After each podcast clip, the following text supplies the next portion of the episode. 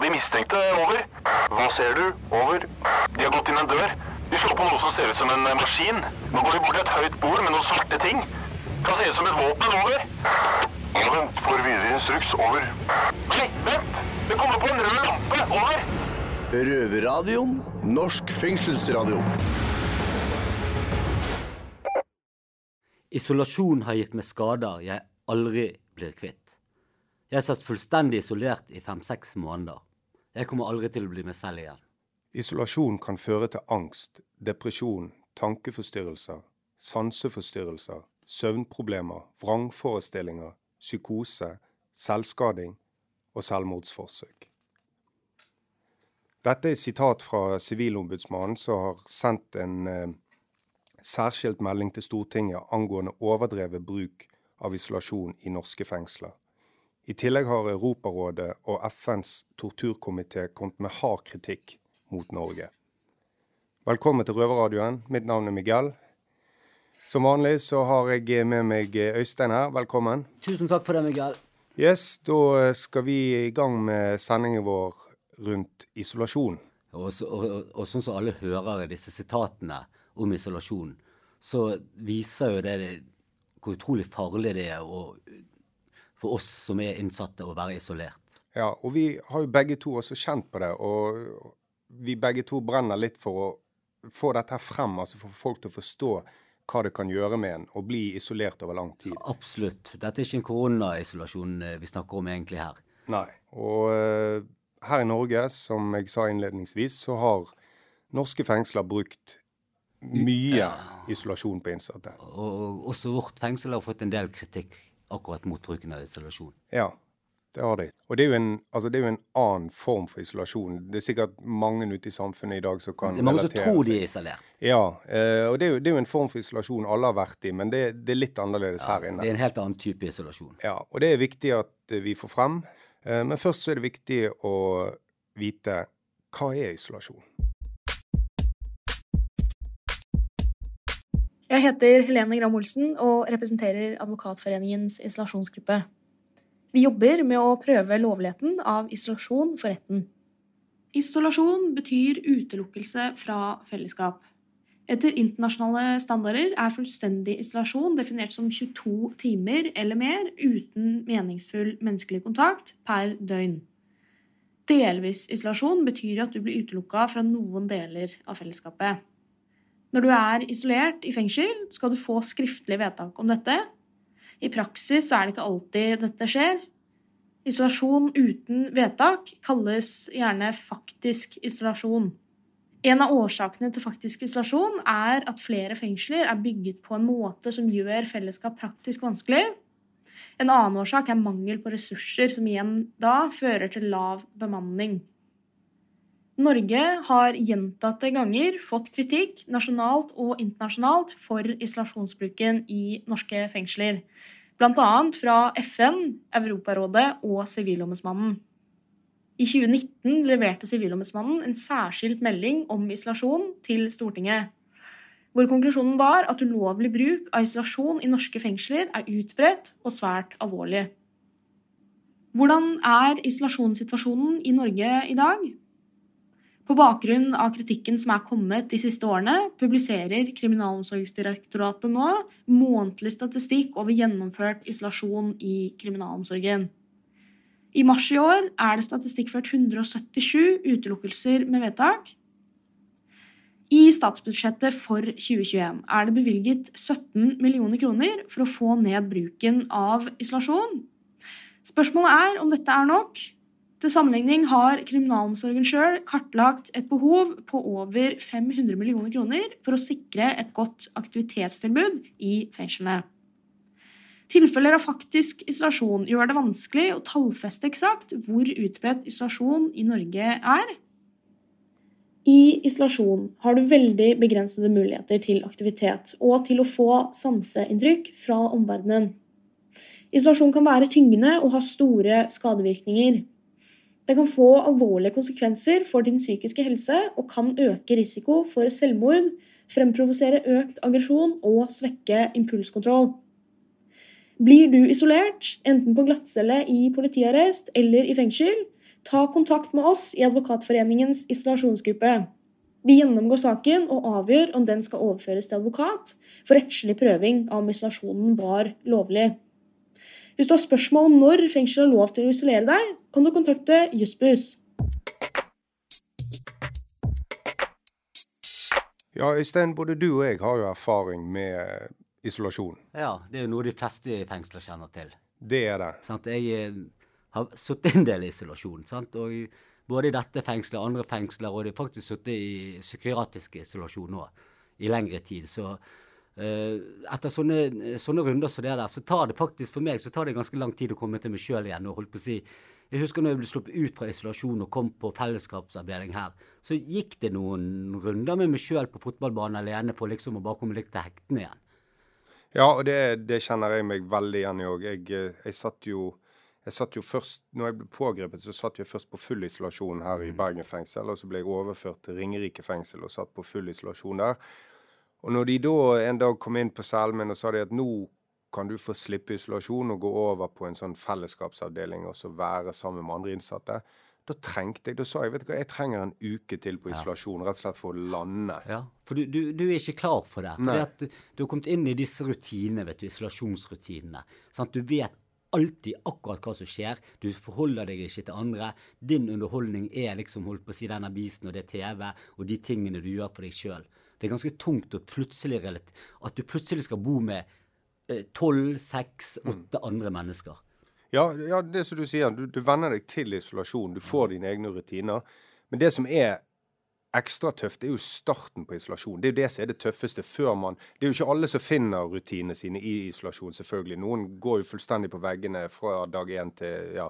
Men, men jeg, jeg husker det at når jeg, eh, når jeg var på full isolasjon, så er man Man er jo innelåst, isolert med sant, sin egen ensomhet, savn etter sine nærmeste, og ikke minst grunnen til at man er der. Man er jo i en sånn eksistensiell krise, sant? og da sitter man alene og skal Ja, de første tre-fire dagene, det er ganske forferdelig. Ja. Det er tungt. Ja. For det er da alle tankene kommer. sant? Det er da du tenker hvorfor, jeg, hvorfor skjedde det? Nå sitter jeg her. Jeg sitter? Du har ingen å dele noen ting med. Nei. nei. Det- Og det er jo Og jeg tror jo de, altså de rutinene man får, eh, eventuelt altså når man får sånne rutiner Jeg har opparbeidet med noen rutiner. Det gjorde, det gjorde Ja da, det gjorde jeg ganske kjapt. Det er, jo, det er jo en sånn For meg var det i hvert fall en sånn forsvarsmekanisme. Altså man, man må Ja. likevel ha noen rutiner. Det er det som liksom holder deg i gang. Du har alltid rutiner. Det er alt fra å vaske sine egne klær på særlig en bøtte med skyllemiddel og sånne ting, til at du vet at nå skal jeg koke et egg i vannkokeren, og så skal jeg spise da. Du har hele tiden du finner rutiner i dagen hele tiden. Jeg, for- meg var det viktig å ikke ha TV på hele tiden. Jeg måtte stykke opp dagen, jeg måtte dele opp dagen min i forskjellige bulker. For da hadde jeg alltid noe å se frem til. Det jeg, det jeg også husker veldig godt fra den perioden jeg satt på isolasjon, det var eh, Det var skrikingen og griningen om natten fra andre celler. Altså folk som rett og slett gikk fullstendig i oppløsning og sparket og slo på døren, skrek, gren. Og det var gjennom hele natten. Ja. Er fullstendig amok. sant? Ja. Det var et- etter medisiner. Det var, bare, det var sånn hyling. Sånn, du skjønte egentlig ikke mål Det var ikke mål og mening med det. Nei. Det var bare masse lyd. Ja. Og det, jo, det var jo kanskje et uh, Hva skal jeg si Det var jo kanskje Det var jo kanskje folk som ble satt på isolasjon der, som ikke skulle vært der. De, skulle, skulle kanskje vært på en institusjon. Ja, det skulle de nok. jeg husker, husker veldig godt en ting her i fengselet når jeg satt i isolasjon, da jeg kom her første gang. Uh, I denne soningen så hørte jeg bare fra uh, en betjent fra selve ved siden av skrek på natten 'Kom ned fra skapet!' og da Ja, ja. tenkte jeg flott. Ja da, men det er jo sånn, Ja. folk ser jo ting. Og jeg husker, jeg husker advokaten min, eh, han fortalte meg, han hadde en klient da. Dette var jo før uh, denne her eh, mm. kom. Altså at man ikke kan sitte lenger enn så og så, lenge, ja. på, på glattcelle. Men han hadde da sittet i eh, over ti dager på glattcelle. Og, og bare for å forklare lytterne våre, en glattcelle, så er det Altså Det er bare et lite rom, et betongrom, Ja. eh, med et bitte lite vindu med gitter på, og du, du har ingen seng, du har ingen møbler, ingenting. Du har et hull i gulvet som du tisser i, og så har du bare en Du har en madrass på gulvet. Og han, etter ti dager så spurte han eh, politiet om han kunne få ta en telefon til advokaten sin, og så sa han det at eh, du, eh, du må be de eh, gi meg en ny celle, for det er så vanvittig mye dyr her inne. Da var han begynt å se ting. Sant? Det begynner ja å krype er oppover han og veggene og alt. Så det, det, man, jeg tror jo etter lengre sånn ekstrem isolasjon, så begynner du å se ting. Du hallusinerer. Det er klart det, tenk, tenk deg å sitte ti dager i arresten i Bergen fengsel på glattcelle der. Det er ikke noe særlig, det. Nei, det, det er ikke bra. Det bryter ned sinnet ditt, og du blir paranoid etter hvert. og Jeg, det- jeg husker en gang jeg var på, eh, politiet eh, plasserte meg Tenkte at jeg var hakkende gal på en institusjon og sagt at eh, for overvåkning. Og da, Jeg sov jo med åpen dør med en person i døren. Jeg dreit med åpen dør. Jeg fikk kun spise alene. Og så En dag så spurte jeg om jeg kunne få lov å sitte bort med vinduet. Og da fikk jeg svar nei, du er ikke klarert til det. Ja. OK, hvordan blir jeg klarert til det? Bare drit i det, for det tar tolv uker Ja, det, å få klarering. Jeg fikk ikke lov å sitte ved vinduet. det er uverdig. Mm. Det er rett og slett uverdig. Men eh, nå skal vi høre fra en av røverne i Oslo. Det er Christian. Han eh, følte seg så isolert en gang at det holdt på å gå så ille som det kunne gå. Vi er på Eidsberg fengsel. Dette er Mike. Her jeg sitter med Kasim og eh, Christian. Hei. Christian. Du har blitt uh, isolert. Du har vært, iso vært isolert. Uh, ja, så jeg ble jo da tatt i en litt større narkosak. Uh, var i fengselsmøte og ble dømt da til FIS, uh, fullstendig isolasjon. eh, Oslo fengsel. Eh, dette var sommeren. Det var eh, varmt. Du våkna klissvåt eh, av svette. Du kunne vri opp dyna di. Eh, uten klokke. Jeg hadde ikke TV, ikke radio, ikke noe å lese på.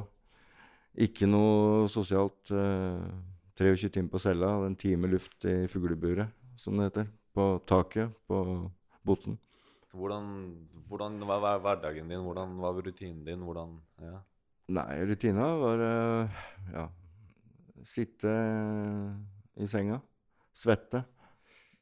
Så var det jo mye duer da, i området der. Så jeg begynte å presse brødsmuler ut av de små hulla som er i gitteret. Uh, hvor da duene kom etter hvert og begynte å spise. Ga du dem navn, eller kjælenavn? Kjæledyr? Nei, eh, de hadde ikke navn, men altså, det var hovedsak to stykker der som jeg liksom fikk et slags hva skal jeg si, forhold til. Da. Eh, Kjente du dem igjen, da? jeg kjente dem igjen. Du gjorde det. Ja. Angående selvmord og henging og litt sånn. Traff de tankene noen gang deg? Eh, ja. ehm, kompisen til venninna mi hang seg på den cella jeg satt på, ehm, på Botsen. ehm, bare et år tidligere. Eh, jeg har egentlig aldri forstått eh, folk som tar livet sitt, og egentlig aldri vært på sånne tanker sjøl. Men eh, etter å ha sittet på isolasjon i et par uker, så begynte tankene å komme om at eh, dette orker man ikke mer. Eh, eh, etter tre uker så satt jeg på senga, og jeg hadde allerede funnet ut eh, hvordan jeg kunne få hengt meg på cella. Eh, jeg satt en dag og ja, da var vel da jeg bestemte meg egentlig for å, at jeg ikke orka mer. Um, satt i senga som jeg pleier, og begynte å titte litt rundt hvor jeg skulle henge fra. da. Eh, hvor han hadde hengt seg, kanskje. Ja. Egentlig det øyeblikket jeg bestemte meg for å gjøre det, så plutselig banker det på celledøra mi. Og, og presten kom. Og, og skulle hilse fra Anki. Det var da eh, en prest fra menigheta jeg kom fra.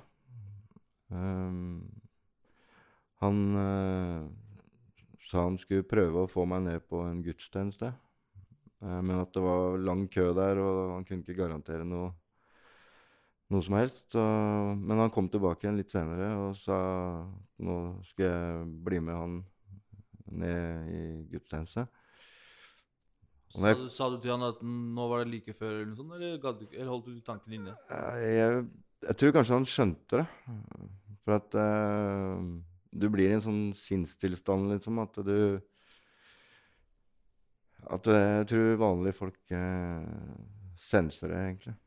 Uh, så du Det er vanskelig å forklare, for man blir eh, Man kommer inn i en sånn situasjon eh, hvor du ikke kjenner deg sjøl, nesten. For at eh, du får tanker du aldri har hatt. Og, og på isolasjon så får du tenkt gjennom ting eh, både én og to og tre ganger. Det eneste du gjør, er å sitte der og tenke. uten å Ja, du har jo Jeg hadde jo medieforbud og alt mulig, så jeg satt jo bare der med tankene, egentlig. Uh, for jeg skjønte heller ikke hvorfor han hang seg, han kameraten jeg snakker om. Uh, for han ble tatt med så lite. Altså, han ble tatt med en kilo eller to. Og det tenker jeg er ikke verdens undergang. Men etter å ha sittet sjøl på isolasjon, så forstår jeg Eller etter hvert så gikk det over til at dette her orker du ikke mer. Du ja, har lyst til å avslutte det. Eh, altså hvis du havner på FIS, som det heter, da, fullstendig isolasjon, eh, så setter det egentlig tankene dine Du setter deg sjøl ut, tror jeg, eh, rett og slett. Med, du tenker deg i hjel, du tenker så mye uten å kunne ha noe å forholde deg til. Da. Du veit ikke hva som skjer på utsida. Eneste du veit, er at du har ikke noe sted å bo lenger. Du treffer ikke sønnen din igjen. eh, I hvert fall ikke på lenge. Eh, du mister jobb, leilighet Altså, du mister alt du har. Eh, det er liksom ikke noen lyspunkter eh, noe sted. Eh, og når du sitter da overlatt til deg sjøl på en eh, så varm celle eh, uten noen form for eh, Ja, altså du Du er bare helt overlatt til deg sjøl. Du bare sitter der. eh, Titter ut i lufta. Det er eh, eh, Man kan ikke sette seg inn i det egentlig før du sitter der sjøl og føler på det. Um, du er jo her i dag, Kristian. Ja. Hvordan, hva skjedde etter at pressen snakka med deg? Um, det som skjedde når jeg kom i den gudstjenesten, um, det var det at eh, plutselig så var det masse folk. Jeg fikk kaffe. Jeg fikk eh, pepperkaker. Eller småkaker. Ehm, eh, og jeg følte vel at eh, hele gudstjenesten dreide seg om meg, da. Fordi presten og, og de som var med presten i gudstjenesten, hele tida liksom fikk øyekontakt med meg. og liksom Presten snakka om at man kunne gjøre feil flere ganger og få tilgivelse. og uh, Det var helt sjukt, egentlig. For at jeg følte at han alle bare Alt liksom var på meg, da. At eh, du kan gjøre feil flere ganger, du blir tilgitt. altså Verden går ikke under av den grunn. og og jeg husker når han presten tok fram trompeten og begynte å spille trompet. Da, sånn skikkelig sånn, Det var nesten jeg fikk lyst til å hoppe opp og danse, liksom. Eh, han spilte en sånn glad tone. Sånn eh, Jeg vet ikke. Jeg tror kanskje det er det nærmeste man kommer å se lyset, da, hvis man kan si det sånn. Plutselig inni meg så fikk jeg bare livsglede igjen. da. Jeg fikk lyst til å Eller plutselig, for første gang faktisk i mitt liv, da, så begynte jeg å se framover. da. Hva jeg kunne gjøre nytt. eh, Eller hva jeg kan gjøre framover da, for å komme ut av en dårlig situasjon. Jeg fikk plutselig eh, framtidsplaner, hva jeg skulle gjøre når jeg kom ut. Og akkurat det øyeblikket der, liksom, den fjerna alle svarte tanker jeg hadde. Eh, jeg følte liksom at jeg levde igjen, da, på en måte. Nei, takk til deg, Kristian. Vi avslutter her. Takk for samarbeidet ditt.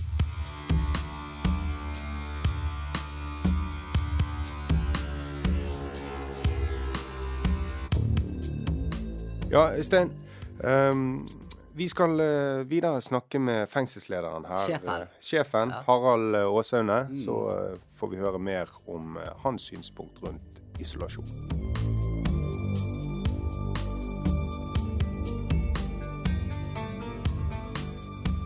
Som det ble sagt innledningsvis, så er Norge en versting når det gjelder isolasjon. I 2018 var hver fjerde innsatt innlåst i 16 timer eller mer på egen celle på hverdagene. Bergen fengsel var i 2020 det fengselet med flest tilfeller av isolasjon. Det betyr at de fleste som sitter her, på et eller annet tidspunkt er blitt satt i isolasjon. Eh, vi har fått eh, storfint besøk fra fengselsleder Harald Åsaune. Velkommen til oss. Takk for det. Da Bergen fengsel sto ferdig i 1990, så var jo bygningsfilosofien at det skulle bygges som en landsby, og at det skulle være en mer åpen form for soning, eller en dynamisk sikkerhet hvor innsatte og ansatte skulle tilbringe mer tid sammen. Hvorfor er det sånn i dag da at det brukes mye isolasjon i Bergen fengsel? Ja, det er et veldig godt spørsmål. og Jeg har ofte tenkt på det at eh, når ekteparet Molden tegna det fengselet her for 30 år siden, eh, så var det et veldig moderne fengsel hvor tanken var at eh, en skulle ha mye fellesskap i små fellesskap. Vi ser nå i 30 år etterpå at det er jo ikke tegna som et fengsel som er veldig effektivt. Det er et fengsel som er veldig bemanningskrevende, i og med at det er mange små fellesskap. Eh, og det krever nok en antall ansatte som ikke har til stede i dag, noe som gjør det vanskelig å opprettholde nettopp disse fellesskapene som, eh, som, var tanken bak Bergen fengsel, som er en fin tanke, og som vi fremdeles prøver å holde ganske høyt. da. Eh, og og så er det jo sånn da at eh, Bergen fengsel er et stort fengsel. Og derfor så er det jo også naturlig at vi kommer eh, inn i statistikken over de fengsla hvor vi har flest utelukkelser. I Bergen fengsel så er det jo sånn at vi normalt sett har mellom 30 og 50 utelukkelser hver måned. Og heldigvis, de fleste av dem er jo av kortvarighet. Men det henger igjen da med den størrelsen fengselet har, og ikke minst det at vi har fått uh, uh, denne avdeling A øst i ettertid, hvor det ikke var tilstrekkelig med felles areal. Mm. Og bare for å forklare lytterne våre det, altså A øst det er, jo, altså det er jo den avdelingen her inne der eh, folk gjerne er mer isolert, og de har ikke den altså de mulighetene som, eh, som innsatte har på disse mm, bofellesskapsavdelingene. Ja, det er den inndelinga som Bergen fengsel har. At uh, disse fellesskapsavdelingene de er jo bygd opp med små boenheter, små bofellesskap, hvor innsatte er mye uh, sammen. Så har vi avdeling A, som er delt inn i to fløyer, kan man, eller to avdelinger, kan man si. Eh, og denne A-øst det er en stor avdeling som, eh, hvor det ikke er tilrettelagt for den daglige fellesskapet med store fellesareal og fellesrom som vi har på de andre avdelingene. Så det er jo den avdelinga som har vært den mest utfordrende med tanke på fellesskap. Mm. Ja, og eh, hvilke tiltak gjør fengselet akkurat nå for å altså redusere bruken av isolasjon? Ja, eh, det viktigste tiltaket som har skjedd i Bergen fengsel den siste tiden, er at vi har fått eh, etablert dette ressursteamet, hvor det er seks eh, ansatte som har som sin eneste oppgave å følge opp sårbare innsatte, innsatte som er isolert, eller innsatte som står i fare for å bli isolert. Uh, følger dem opp både individuelt og i grupper, får dem ut uh, av isolasjon og motiverer dem for å kanskje delta i det ordinære fellesskapet i avdelinga. Dette er jo en ganske stor satsing. Uh, det ligger mye økonomi i det. det er jo seks ansatte som har dette som sin eneste oppgave, og vi har et veldig sånn, tett samarbeid også med spesialisthelsetjenestene knytta til det arbeidet. Så det er den store satsinga vi har. Men vi gjør også masse andre eh, ting. Vi har endra Gjennom 2020 så endra vi jo dagsordenen på eh, avdeling A øst, sånn at eh, alle nå får eh, minimum eh, fire timer fellesskap daglig på A øst. Sånn var det jo ikke tidligere. Eh, ambisjonen for 2021 er jo at det skal bli åtte timer utetid for alle, også på avdeling A øst. Så det vi jobber med nå sånn rent konkret, er at vi holder på å tilrettelegge et verksted eh, som ja, kan bli eh, et aktivitetsareal for innsatte på A-øst, sånn at vi kan øke ut i tiden der. Mm. Er det noen tiltak um, dere tenker å gjennomføre på disse um, fellesskapsavdelingene? Er det noe som kan forbedres der? Det er alltid noe som kan forbedres også på de fellesskapsavdelingene. Men eh, prioriteten nå, den er på de avdelingene hvor folk har lite fellesskap. Mm.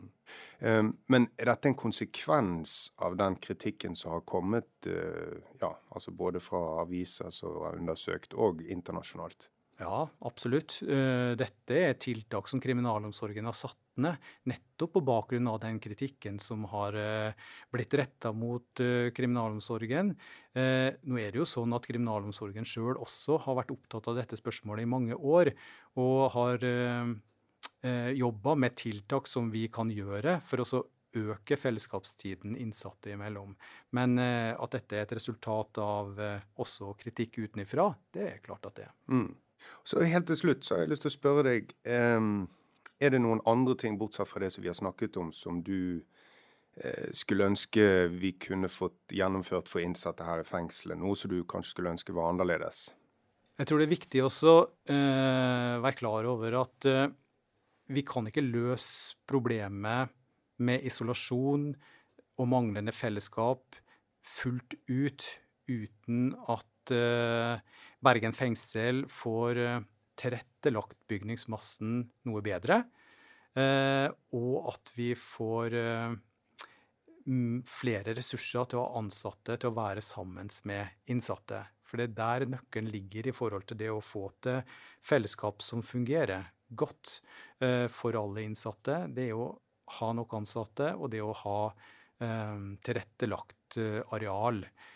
Vi kan få til noe. Vi kan greie å øke utetiden for innsatte i Bergen fengsel, også med de rammene vi har i dag, ved å prioritere annerledes. Eh, men det er også sånn at eh, vi kan ikke bare um, legge alle kluter til denne utfordringa. Vi har mange andre oppgaver som også skal løses, og de kan ikke bare kuttes ut. Så skal vi løse problemet fullt ut, så, så tror jeg nok at det er behov for, for mer ressurser. Altså. Mm.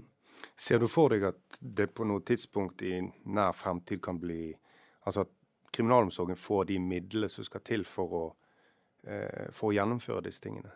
Altså, Norge er jo egentlig et veldig rikt land, så øh, pengene finnes jo der. Eh, men samtidig så er det jo en prioritering samfunnet må gjøre. Det er mange områder i samfunnet som trenger mer ressurser. så Eh, kriminalomsorgen står muligens ikke først i den køa for å få mer ressurser. så Derfor er det viktig at vi hele tiden også tenker på hvordan kan vi løse dette med isolasjon og gode fellesskap for innsatte, også innenfor de rammene vi har til rådighet i dag. Da vil jeg eh, takke deg, Harald Aasøne, for at du ville stille her hos oss i dag. Vi har fått eh, masse gode svar på de spørsmålene vi hadde. Takk for at jeg fikk komme.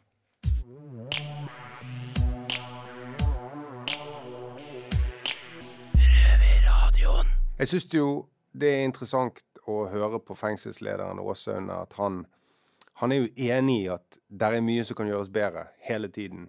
Ja, det, han virker jo som han faktisk eh, ønsker endringer. Ja, han ønsker og, endringer. Han, han, sitter i en situasjon der han gjerne ikke Han, han har ikke penger til det. Så jeg gir jo egentlig det intervjuet terningkast fem. Ja, jeg òg. Han eh, Og han ja, fått seks, har du vært litt mer kritisk. Du hadde sjefen foran deg. ja da, jeg men, kunne sikkert vært mer kritisk. Men, men, jeg, skal jo, jeg skal jo ha prøveløslatelse på ja, et eller annet tidspunkt, så jeg var nødt til å være litt grei mann. Men, eh, men eh, Tenker kun på deg sjøl. ja.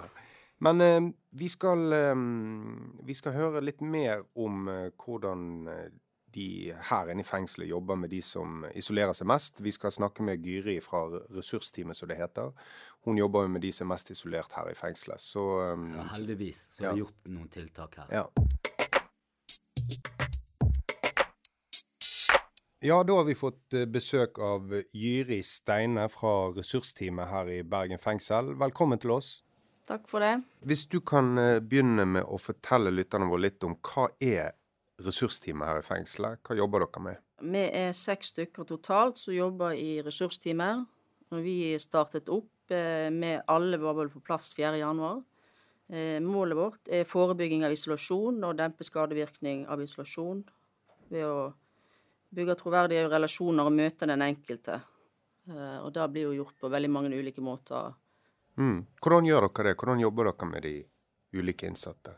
Eh, vi jobber med individuelt, tett i små grupper med aktivisering. Vi har mindre fellesskap for å skape trygghet. Eh, individuelle samtaler der vi har både utprøving og forberedelser til eventuelt eh, at de vil komme seg videre på en fellesskapsavdeling. Ja. ja. Hva, er, hva er den største utfordringen med den jobben dere har? Ja, største utfordringen Det er jo egentlig mange utfordringer, men det største er vel det at du føler at ikke du får gjort nok, da. Så det er jo på en måte en eh, utfordring at du Når du kommer på jobb, så vet du da at eh, det er veldig mange som har behov for både samtaler og det å møte mennesker uten De sitter mange timer inne, innelåst på ei celle. Så da er det egentlig den med den prioriteringen, nå, At du skulle gjerne hatt både mer timer og vært mer folk til å kunne ta disse tingene, som å gå inn og ha en samtale eller gjøre andre ting for å avhjelpe dem i en sånn situasjon. Mm, mm. Hvis jeg har forstått det riktig, så er det fremdeles en, en utfordring dette med å ha tilstrekkelige ressurser, mannskap osv.? Ja, da, det er veldig bra at vi endelig nå har fått et ressursteam, for det var absolutt behov for. Eh, men det er jo òg denne biten med at en en kanskje løfter det litt på et høyere nivå da, i forhold til at det dessverre er konsekvenser med, i forhold til det med nedbygging av både psykiatri og kriminalomsorg. Eh, eh, og at vi da på en måte ikke har blitt eh, prioritert. Så jeg vil jo på en måte håpe at, vi, at det blir en endring der, da. At en ser at det da kanskje ifra jeg begynte her, så har det blitt litt mer innlåsing enn kanskje jeg skulle ønske. da. Men på en måte det er jo ikke noe vi kan eh, Nei. styre. Så da er det pengene og politikken og sånn. Ja, ja. Har du opplevd, har du hatt en opplevelse med noen innsatte som har endret seg på en eller annen måte pga. mye isolering eller isolasjon? Ja, det ser en jo absolutt, og det trenger ikke gå så veldig lang tid før vi kanskje kan se den der eh, endringen. For det at det er klart det der å sitte isolert eh, med begrenset kontakt med andre mennesker, det er jo på en måte disse psykologiske reaksjonene som negative følelser kan forsterkes. Du har økende grad av angst, at de blir passive, deprimerte. Det blir litt vanskelig å få de på en måte motivere de til å gå ut, for du blir litt sånn De gir litt opp, på en måte. Mm. At de blir litt sånn motløse og føler avmakt for at de ikke Ja, de sliter. De sitter kanskje i varetekt, det er mye usikkerhet, de veit ingenting. Og så ja, og så har du òg disse som velger å isolere seg sjøl av ulike grunner. Hvorfor tror du de gjør det? Nei, det kan jo være veldig mye. Og det er jo klart at det, eh, når du sitter i en situasjon du nettopp fengsla, du har kanskje aldri vært i fengsel før, da eh, er det jo klart, da er det veldig mange inntrykk. Eh, og da skal du på en måte håndtere alle disse inntrykkene. og vi har jo et veldig stort fokus på akkurat de som kommer inn på varetekt. Og det er jo det som er på en måte hovedtrykket har vært nå, sant? I, i en oppstartsfase. At vi har på de som sitter isolert for akkurat å avhjelpe dem, at ikke de skal på en måte bli sittende i sine egne tanker på ei celle, og prøve å motivere dem til å eh, finne litt sånn gode rutiner. For da tenker jeg er veldig viktig, uavhengig av eh, hva situasjonen du er i, at du bygger deg gode rutiner for dagen, og så at du da nyttiggjør deg av de tilbudene du har da, i forhold til samtaler eller eh, ja. Mm, mm. Det høres jo veldig bra ut, dette her. og... Um jeg er jo enig i det at eh, et sånt ressursteam det er jo absolutt noe eh, fengselet trenger. Jeg har sjøl sittet i isolasjon en stund eh, når jeg ble fengslet, og det er jo en ganske, det er en ganske tøff periode. Og jeg kan tenke meg spesielt for de som aldri har sittet i fengsel før, spesielt for de yngre, så kan dette være veldig tøft. Og da er det, da er det helt sikkert bra å ha noen betjenter å kunne snakke med, og, og um, kanskje få det litt lettere. Men um, uansett, jeg heier på dere. Jeg håper dere får de ressursene dere trenger for å kunne um, gjøre den jobben på en god måte. Det er viktig for de innsatte. Og eh, jeg vil si tusen takk for at du eh, ville komme her til oss i dag og snakke med oss. Tusen takk for at jeg fikk komme. Det var veldig kjekt.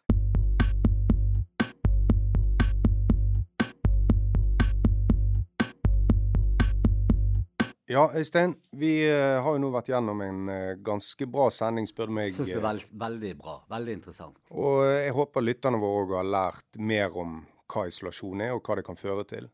Jeg får håpe det. Jeg får håpe det har vært opplysende. Ja. ja. Og, og vi setter jo selvfølgelig også veldig pris på alle som ville stille til intervju. og Advokatforeningen, fengselsleder, ressursteam mm. osv. Vi takker alle sammen. Stor takk. Ja. Ja, øh, så vi er jo nå ved veis ende. Ja, Hva denne sendingen. planen videre i dag, da, Vi skal jo trene, Miguel. Ja. Det må vi jo. ja, det må vi. Lage oss noe god mat. Det må vi gjøre etter trening. I dag blir det, hva blir det? Kylling? Med Kylling i dag. Kylling i dag. Ja. Og så skal vi inn på sel og fingerhekle. Ja. Jeg får håpe Ja, jeg har blitt helt hektet på uh, Fingerhekling. Nei. Uh, Denne her dokumentaren på NRK, eh, Vår perfekte oh, planet. den er bra! Ja. Perfekte planet. Filmingen. Ja. Og der Fantastisk. eh, Ja, det er bare helt fantastisk. Det må sies. Yes, da må vi eh, takke for oss. Eh, Takk for at dere eh, hørte på oss. Eh, Du kan høre Røverradioen på søndager klokken 20.30 på P2, og på vår podkast når som helst. Tusen takk for meg, Miguel. Og takk for meg, Øystein. Ja. Så eh, høres vi igjen neste gang. Ha det bra.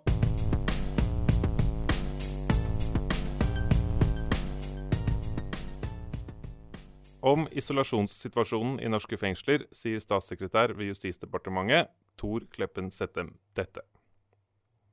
Det er ønskelig med mer fellesskap med andre innsatte, men det er flere årsaker til at dette er krevende. Enkelte varetektsinnsatte er undergitt isolasjon fastsatt av domstolene. Noen tas ut av fellesskapet fordi de opptrer voldelig eller truende, mens en del velger å avstå fra fellesskap med andre innsatte. I 2020 gjorde også koronapandemien det nødvendig å utelukke innsatte fra fellesskapet. Det er iverksatt flere tiltak for å redusere omfanget av isolasjon i fengsel. Med virkning fra 2020 er det opprettet en nasjonalt forsterket fellesskapsavdeling ved Ila fengsel og forvaringsanstalt, med plasser for noen av de innsatte med svakest forutsetninger for å fungere i et fengsel. I år etableres det et nasjonalt ressursteam for kvinner ved Bredtvet fengsel og forvaringsanstalt. Det etableres aktivitetsteam ved andre enheter med mye isolasjon. Erfaringer med aktivitetsteam tyder på at det er et godt verktøy i arbeid med innsatte som er i risikogruppen for å falle ut av fellesskapet. I praksis er gamle og upraktiske bygninger et problem. Derfor har nybygg og rehabilitering vært så viktig, og det legger bedre til rette for fellesskap. Nye Agder fengsel har vært en stor og viktig satsing. Det jobbes med å få på plass et nytt Oslo fengsel, og Ullersmo skal rehabiliteres. Kriminalomsorgen jobber også grundig for å redusere omfanget av isolasjon, bl.a. med å sørge for en dagsorden i fengslene som sikrer at alle innsatte får minst to timer fellesskap hver dag. Vært stille fra over en time. Hva skjer? Over. Det er bare et radioprogram. Det er lettere å høre på dem der. Over. Ja, vet du når det går da? Over. Det er samme tid og samme sted neste uke. Over.